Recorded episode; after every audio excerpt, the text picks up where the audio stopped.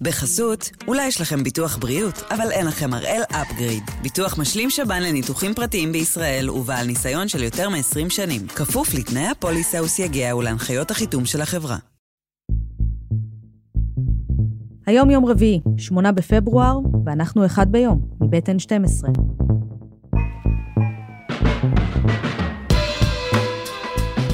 אני עמליה דואק, ואנחנו כאן כדי להבין טוב יותר מה קורה סביבנו. סיפור אחד ביום, בכל יום.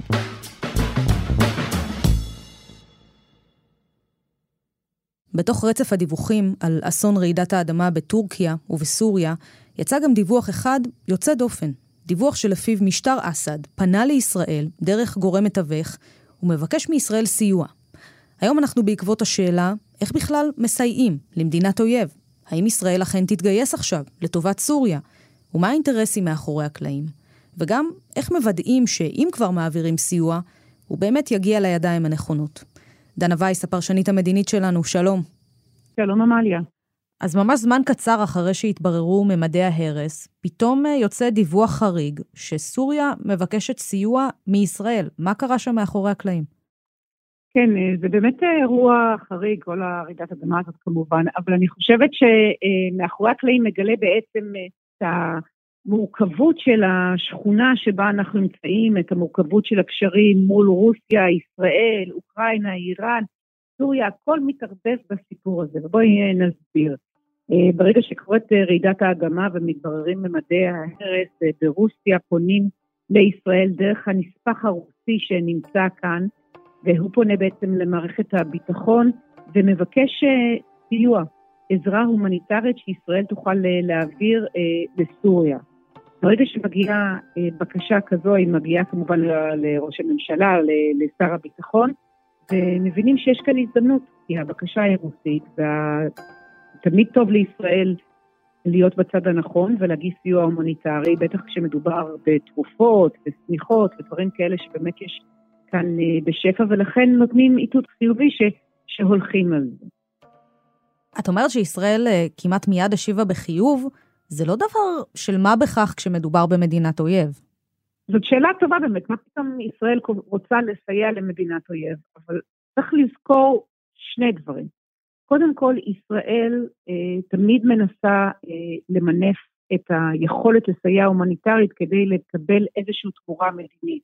את יודעת, הרבה פעמים, למשל, גם עם טורקיה, אה, כאשר ישראל מסייעת לטורקיה, זה מאפשר אחר כך להפשיר את היחסים שהיו קפואים. סיוע הומניטרי זה, זה דרך אה, באמת לפתוח נתיבים שהיו סגורים קודם דרך רצון טוב. אז זה, זה, זה נכון תמיד, ואני מזכירה לנו שישראל סייעה לחלק מסוריה גם במהלך מלחמת האזרחים, היה לנו שם בית חולים שדה ממש על הגבול, והגיעו פצועים לבתי חולים אה, בישראל, והוא עבר ציוד אה, במהלך מלחמת האזרחים. אז זה מבחינת סוריה.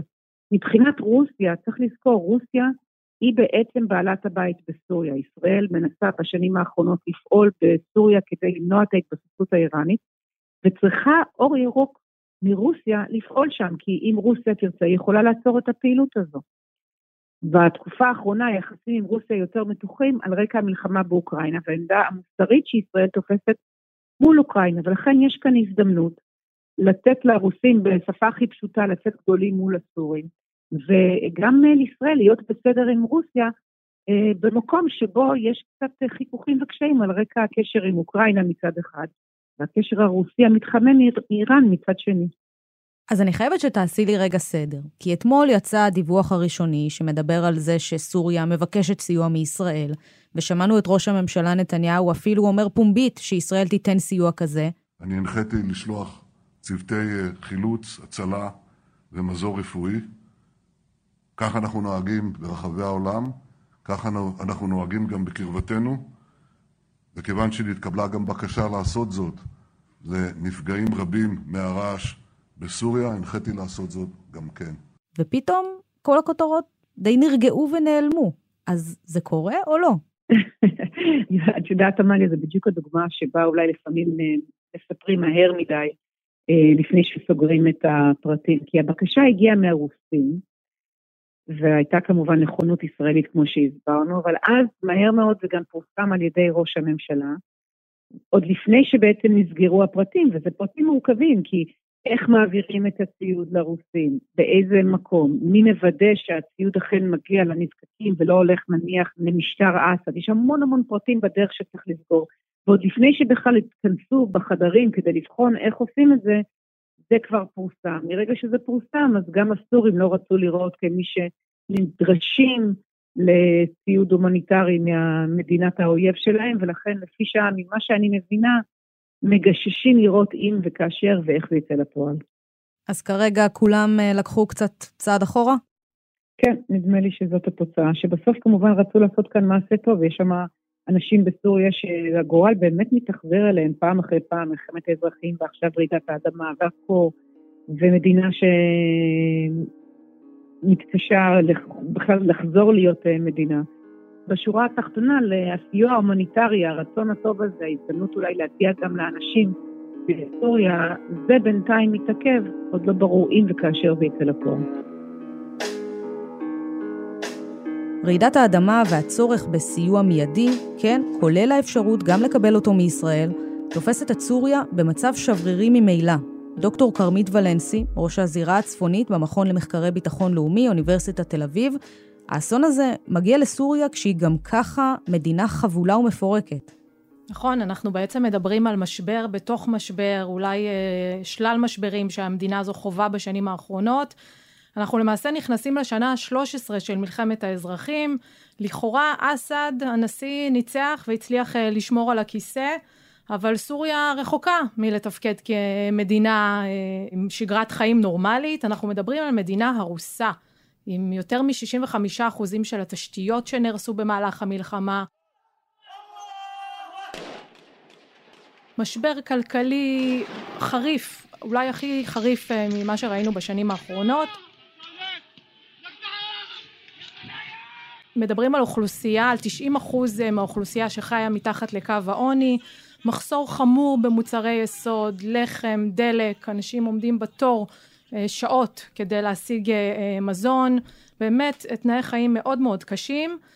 ולא רק זה, סוריה היא לא מדינה אחודה או מתפקדת, היא מדינה מפורקת, היא מדינה שמחולקת למעשה, אולי אפשר לומר לארבע סוריות יותר מאשר לסוריה אחת, כפי שהכרנו בשנים שלפני המלחמה. אסד שולט רק על אה, נתח אחד מסוריה, אמנם על 65 אחוזים, אבל יש עוד אה, שלושה אזורים שנשלטים על ידי גורמים אחרים, אם זה הכורדים, הטורקים, מובלעת אה, מורדים נוספת בצפון מערב, שמתקיימת במנותק מהמשטר המרכזי. בקיצור, זירה מורכבת מאוד, בעייתית מאוד, עם משברים כלכליים והומניטריים חסרי תקדים. ואם זה לא היה מספיק, לתוך המציאות הבלתי אפשרית הזאת מגיעה גם רעידת אדמה, בעוצמה יוצאת דופן. איפה היא פוגעת בעיקר? בעיקר אה, אזור המרכז, אזור החוף המערבי של סוריה. אני אזכיר שמדובר באזורים שהם תחת אה, שלטון אסד, בשליטת המשטר בעצם, וגם באזורים בשליטת האופוזיציה בצפון וצפון מערב. אזור שממילא היה נתון לתנאי אה, מחיה קשים מאוד, אותו אזור המכונה אידליב, זו בעצם מובלעת המורדים האחרונה שנותרה בסוריה בצפון מערב. אה, אם אתם מכירים ודאי את התמונות של מחנות הפליטים והעקורים שעברו מרחבי סוריה, אז הם נמצאים באזור הזה. אה, חיים בתנאים של עוני וקור ונוסף על כך עכשיו גם אה, רעידת האדמה העוצמתית אה, שבעצם החמירה את הנזקים שם. מדובר ברעש האדמה החזק ביותר שנותר בכמעט שלושים שנים האחרונות במדינה. זה כמובן לווה גם במשהו כמו 40 רעידות משנה, בקיצור נזקים חסרי תקדים, בניינים שקורסים אחד אחרי השני, אה, תמונות מאוד קשות, אנחנו רואים ברשתות החברתיות תמונות מאוד קשות של משפחות שלמות שנמחצות תחת ההריסות, תינוקות שנולדים ממש ברגעים אלו אה, בין ההריסות אה, והערכה היא, את יודעת, המספרים עוד בטח יאמירו, אבל הערכה כרגע שמדובר מעל אלף הרוגים, משהו כמו אלף חמש מאות הרוגים, אלפי פצועים, ואנחנו לצערי נראה את המספרים האלה הולכים ומטפסים. אז מאיפה מגיע הסיוע הראשוני והמיידי? אז באופן לא מפתיע, שתי המדינות המרכזיות שככה מיהרו והעניקו סיוע באופן מיידי הן רוסיה ואיראן. כמובן שתי מדינות שאסד אה, מאוד מאוד תלוי בהן, הם בעצם הצילו אותו אה, מקריסה אה, בשנות המלחמה ועדיין נותרו מאוד מעורבות בזירה. והן הראשונות, ראינו כבר תמונות ברשתות החברתיות של מטוסים איראנים עם דגל איראני ככה מודפס על ארגזי הסיוע, והם הראשונים שהעניקו סיוע, מעל 70 טון של סיוע הומניטרי, מזון, שמיכות. ומדינות רבות, גם מדינות האזור, הציעו סיוע לסוריה, עיראק, מצרים, קטר, האמירויות שנמצאות ביחסים מאוד טובים דיפלומטיים עם סוריה, בחריין, ירדן, לבנון, סין העבירה סיוע ראשוני וההתמודדות הופכת עוד יותר מורכבת. היות וכפי שציינתי אנחנו מדברים על מדינה מחולקת. אז למעשה, למעשה יש ארבעה אזורים בסוריה שרשויות שונות, אה, אה, סמכויות שונות מנהלות אותה ולכן גם אין כאן סינכרון בין המאמצים, כלומר אין התמודדות מקיפה הוליסטית כמו שקורה במדינות מתוקנות. ולכן הסיוע הבינלאומי האזורי יהיה מאוד קשה לנתב אותו בצורה יעילה ואפקטיבית. חסות קצרה, מיד חוזרים.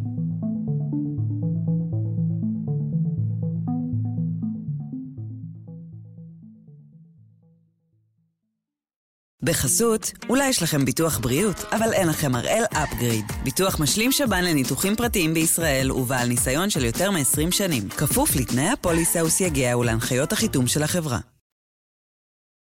דוקטור כרמית ולנסי, דיברנו על האפשרות שישראל תעביר סיוע הומניטרי לסוריה. אם המהלך יצא לפועל, זאת לא תהיה הפעם הראשונה. נכון, יוזמת שכנות טובה. אה, אותו פרויקט אה, בעצם שנועד להעביר סיוע הומניטרי אה, לתושבים בדרום סוריה, לאזרחים שנפגעו ונפצעו בדרום סוריה, אנחנו מדברים על השנים של 2016 עד 2018, מהלך מדהים של הצבא הישראלי שזיהה תחילתו של משבר הומניטרי במרחב הזה והם בעצם מעבירים סיוע רפואי, מזון, מזון לתינוקות, חיתולים. אה, אני יכולה לומר לך שהאירוע הזה זכה לעדים לא רק בדרום סוריה אלא גם בקצוות אה, הרחוקים יותר, בצפון, אה, במזרח, זאת אומרת שאני מדברת עם סורים הם מיד מזכירים את הפרויקט ונפעמים ומדברים עליו בהתרגשות שמדינת אויב לכאורה כמו ישראל, על זה הם חונכו הרי, מעניקה סיוע ומגישה סיוע לפצועים סורים. זה אירוע שבאמת ככה זכה לבולטות גם בשיח התקשורתי בסוריה. הפרויקט הזה נעצר כעבור שנתיים ב-2018 מהסיבה הפשוטה שאסד וכוחותיו כמובן בגיבוי וסיוע רוסי ואיראני השתלטו מחדש על המרחב הדרומי ולכן האירוע הזה כבר הפך יותר מורכב זאת אומרת מול מי נעביר את הסיוע היות וקיים חשש שהוא ייפול לידיים אה, סוריות. מה שהיה בפרויקט שכנות טובה שונה ממה שאנחנו מדברות עליו היום נכון? הוא שונה מאוד כי הוא נעשה מול אוכלוסייה שבעצם אופוזיציה, אותם מורדים שפעלו אה, נגד המשטר בשנים האלו, אה, זה מאוד שונה, גם המרחב הגיאוגרפי שונה, אנחנו מדברים על הגבול עם ישראל בדרום סוריה, אה, אז בפרויקט שכנות טובה, והיום אנחנו מדברים על עומק סוריה, אם זה שוב שטחים תחת שליטת אסד במערב, או הצפון שטחי המורדים, בצפון השטחים של הכורדים שהם מחוץ לשליטת המשטר וזה באמת גם מבחינה גיאוגרפית קצת יותר מורכב. אם יהיה סיוע אני מניחה שהוא יעבור דרך הגבול הטורקי. וגם זה שיש אפשרות שהסיוע יעבור דרך הגבול הטורקי, זה בפני עצמו דבר יוצא דופן, כי אנחנו מדברות על שתי מדינות, טורקיה וסוריה, שנמצאות בסכסוך ממושך. איך זה מסתדר? מה, מניחים את כל המחלוקות בצד? נכון, האמת שזו התפתחות נורא מעניינת נוכח המכה הזאת שפקדה את שתי המדינות.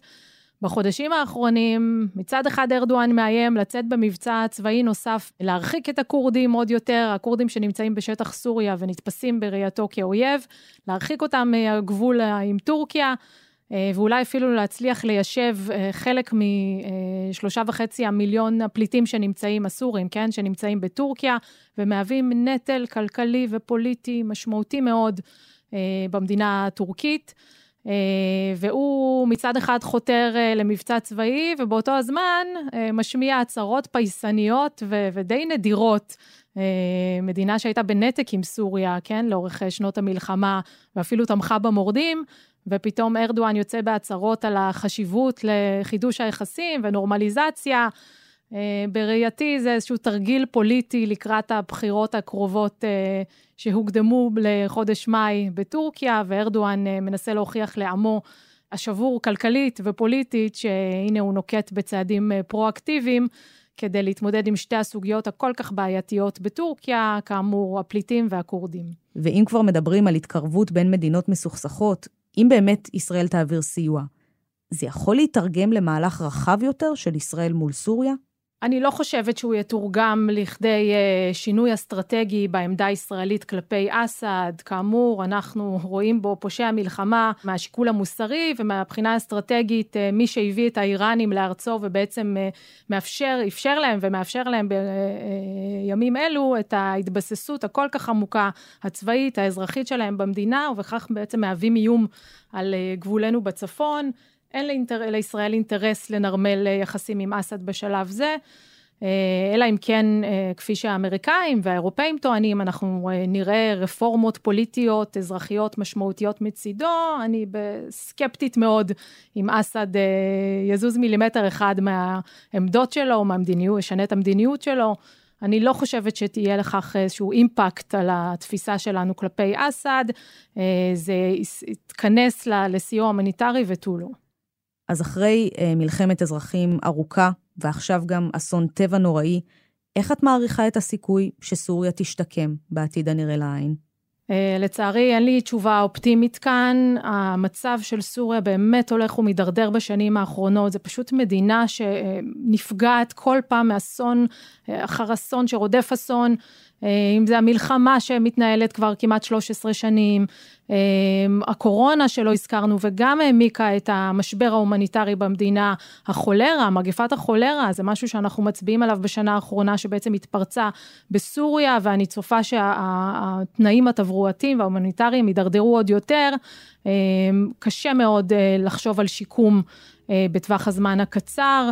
אנחנו מדברים על האומדן, כן, מומחים מעריכים שהנזק מוערך אה, בין 250 ל-400 מיליארד דולר, זאת אומרת, זה הסכום שנידרש לשיקום סוריה, והתהליך יארך משהו כמו 50 שנים של שיקום, וזה רק מנזקי המלחמה, נוסיף לזה עכשיו את הנזקים מרעידת אדמה, אה, לצערי תחזית מאוד מאוד עגומה למדינה הסורית ובעיקר לתושבים. דוקטור כרמית ולנסי, תודה.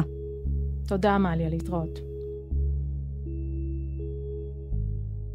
וזה היה אחד ביום, של N12. העורך שלנו הוא רום אטיק, תחקיר והפקה, עדי חצרוני, רוני ארניב ודני נודלמן. על הסאונד גל רודיטי, יאיר בשן יצר את מוזיקת הפתיחה שלנו. אני עמליה דואק, מחר יחזור לכאן אלעד שמחיוף.